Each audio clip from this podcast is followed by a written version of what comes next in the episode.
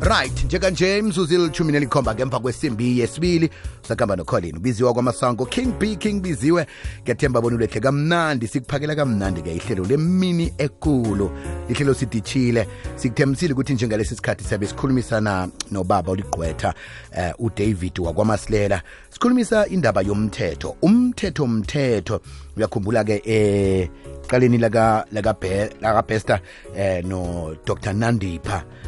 um kuvele nasi indaba yokuthi ubester akanabo akanasikhundla enerhini sibala lapho iSouth Africa hlangana ngombana akana citizenship akana kuthi abizwe ngomntu walapho ngombana angana-id anganapasa manje ke sifuna ukuthola ngokunabileka indaba le ukuthi nasikhuluma nge-stateless citizen sikhuluma ngomntu onjani iyini into leyo thatha ithuba leli-ke ngamukele lotshani malume sithokoze sithokoze mtshana um eh, ngiluse nabalaleli ngithi kukhanya ba khanya ba siyathokoza dlambili nasi indaba isirarile lapha indaba ye-stateless citizen iyini i-stateless citizenship eh into esingayitsho kuya nge-constitution or umthethosisekelo we-south africa eh kusigaba u-28 mm. lapho ekhuluma ngomntwana ithi every child has a right woke umntwana unelungelo lokuthi abe negama begodu abe ne-nationality or ubuchaba bakhe mm. into eyenzekile ukuthi-ke bakhona abentwana eh abentwana la eSouth e-, e-, e-, Africa aba ukuthi umakhe zange abhali akanamazisi okokwakhe hmm. akanamazisi into le yenza-ke ukuthi ukuthi umntwana lo agcina ayi-stateless um citizen or angabi umuntu onganabuchaba hmm. then and then-ke into yenzekileko lapha nobestas yezwayo ukuthi naye ngoba unina kuthiwa wabeletha aselihlawana ana-fifteen years into hmm. yenzeka-ke ukuthi azange abe ne-certificate begothi azange abe ne as a result azange umntwana akwazi ukuthi abhaliswe hmm. alo njengombana sewula afrika pha umuntu anamalungelo amanye wawuwabalile lo onjengaloyo amalungelo wakhe asafana newethu namtshana wakhe aqalelwa ngayiphi indlela Eh, ayafana newakhe kodwa nasikhumbule ukuthi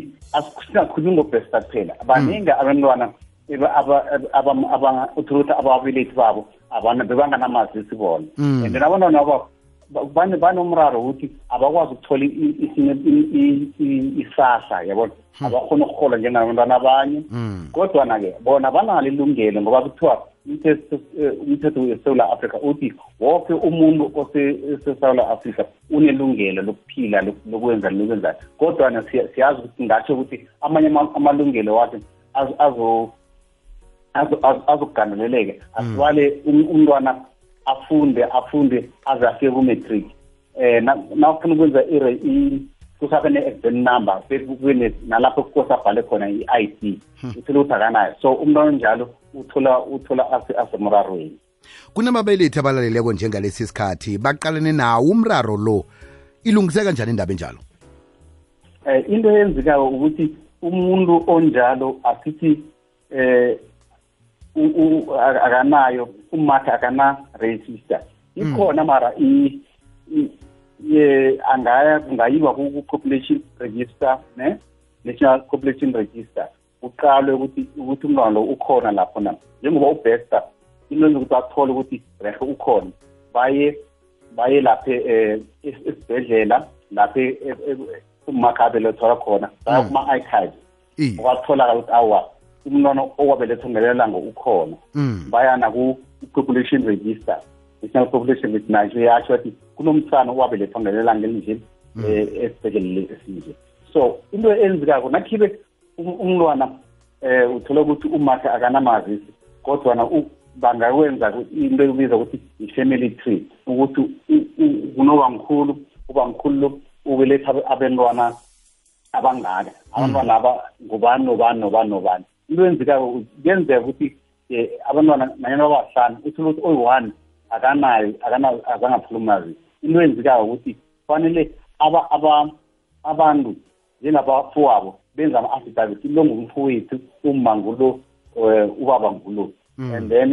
um kube ne-affidavit ebuye esondweni ukuthi siyavuma ukuthi um umfundi mhlawumbe athathi ngiyavuma ukuthi um emzini othize funa abantwana abangaka and then-ke umntwana lo ngwalapho enye into kuyayiwa nesikolweni ku-primary i-primary nakhona kuyayiwa mm. kune-affidavit sokuthi umntwana onje wafunda wafunda wafika um wangena ngelanga elithize waphuma ngelanga elithize enye into esizako neklinika ngitholi ikarata ikarata lela lesikala mm. nalo liyasetshenziswa and then-ke after that kuya kuwe-home affairs-ke i-home affairs iyakwazi ukuthi imlungisele umuntu loyo ngoba na unganapasa kuyikinga asithi nayena obhubhileko nawubhubhileko abebekhenu nabangana-i d bangana-e-birth certificate yakho bazobhalwa kukukhipha so umuntu hmm. osela eh, stateless citizen or ongana buchaba hmm. kufanele ukuthi ahabe aye home affairs alungise into le ukuthi uze naye akwazi ukuthi abe ne-i d and then kuyokuthiwa nge-birth certificate bavuka ukuthi iye wala esewula africa and then azazathi bazobakwazi umkhiphele isimazisi dlambili uthinde indaba eqakatheke ekhulu kwamambala bekethi ngivele ngisazoyibuza indaba yokuthi nekhibe umntwana uthe nabelethwako wamsesondweni wakubhabhadiswa esondweni um uh, isitifiketi lesisondo siyakusiza na ukuthi um uh, kube neminye iminyango evulekako um uh, ngayo umntwana lokuthi okungasenani abe muntu owazekako um uh, enaheni kodwana-ke ihlezi ngengikuphi-ke mhlawumbe okhunye fanele sikwazi um njengombana izehlakalo zenzeka umunye akuhambe ekhaya kade wafikeli la ayakhona um eh, waba nomntwana Uh, eh, akusanamuntu omkhulu omelusileko nje-ke sewumuntu ozijameleko akazi ukuthi nafane atlolise umntwana lo fane achingephi ngombana umndeni akhe wawuthi yakude le natala elimpopo yena uhlala kude le mhlawumbe e-cape town ya yeah, into engithile ukuthi asibale ngithe njengomuntu oseduze angaya kubo abafowabo nabo bani but mm. nakhibe ukuthi ukuthi nekhaya umntwana lo kufanele kufanele aye mhlawumbe kuma-social worker mm. yabona kuma-social worker and then-ke ama-social worker nguwo angakhona ukuthi amqhumanise nabantu bekhabo or aye kumfundisi nakhibe uyasonda mm. or aye ekosaneni aye angaya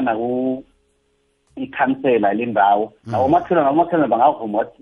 bangabakwazi bawenza ama-avidavit etsho ukuthi umnqalo um eh, ubelethwa nguzibani hmm. wakwazibani ubelethelwe ngendawo gayidi inyanga hmm. or unyaka ngoba ukhuluma wenza i-affidavit i-affidavit ufane uzibopha utsho ukuthi-ke ngiyazibopha ukuthi into engiyikhuluma ngalo kungiciniso so i-home affairs iyakhona ukuthi ithathe as long wenza ama-affidavit um eh, uzibophile ukuthi ngikhuluma iqiniso umlalo ukhulele emehlo nami ngimbonile ubelethwe ngummalo Baba umasilela eh abafuna ukuthola